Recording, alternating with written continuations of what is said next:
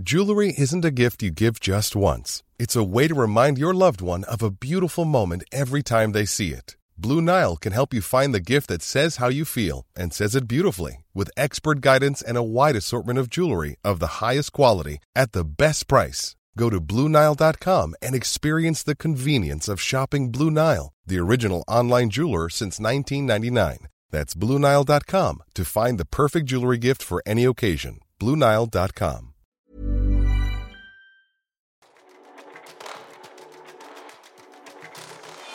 Hei og velkommen til Teknologitrender, serien som tar et entusiastisk, men også et kritisk blikk på hvordan teknologi og digitalisering endrer og påvirker våre liv og næringsliv.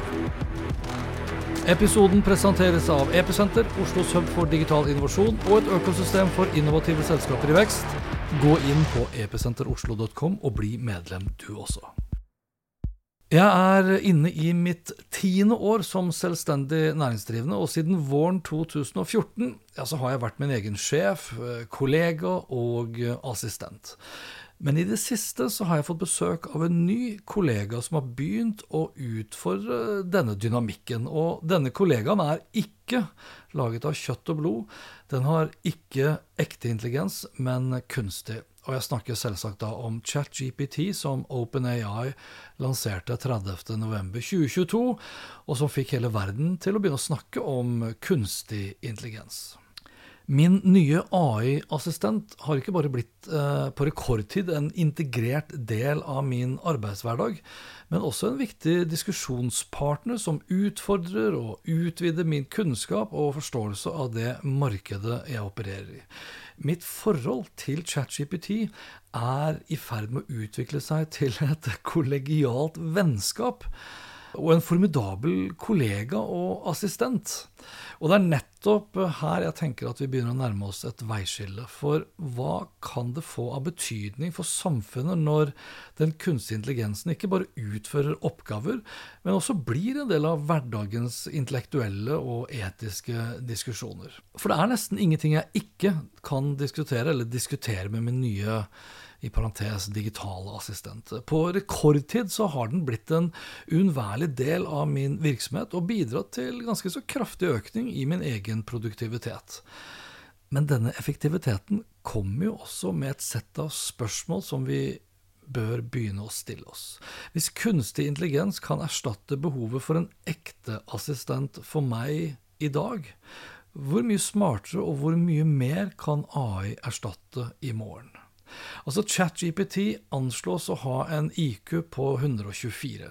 For Jensen Wang, som er Nvidias toppsjef, rett i at kunstig intelligens vil bli én millioner ganger mer kraftfull i løpet av det neste tiåret, altså vil jo det åpne opp for en fremtid hvor ChatGPT, eller AI, ikke bare er en assistent, men en fullverdig medarbeider. Og selv om det kan høres ut som science fiction i dag, altså vil det nødvendigvis ikke være det i morgen. Og det er nettopp derfor vi bør ta debatten nå. Allerede i 2017 foreslo Microsoft-gründeren Bill Gates at AI bør betale skatt i en eller annen form. Og jeg er tilbøyelig her til å være enig. altså Hvis kunstig intelligens blir like integrert i arbeidslivet som oss mennesker, så kan vel skatt på AI være en fornuftig konsekvens, hvor de nye skatteinntektene kan f.eks. finansiere omskolering og utdanning for de som da blir erstattet av AI og automatisering som sådan.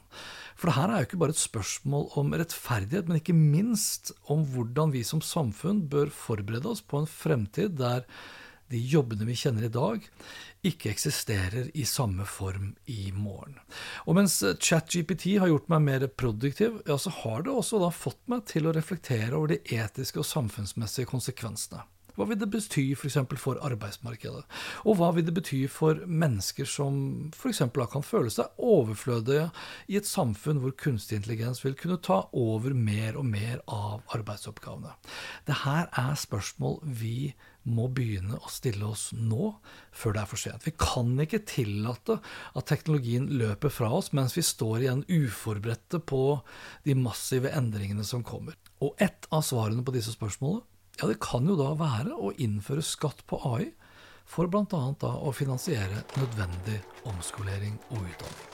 Og dette var dette for denne gang. Inntil neste episode, vær nysgjerrig, men still også kritiske spørsmål. Ikke bli en teknologisjåvinist, for det er den eneste riktige måten å møte fremtiden på. Til alt jeg snakket om, som alltid, finner du på Hans Petter Ottinfo. Snakkes da. Hei då.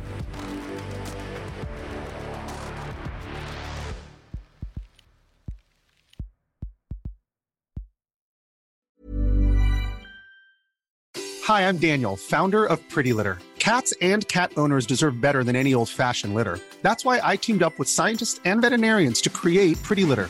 Its innovative crystal formula has superior odor control and weighs up to 80% less than clay litter.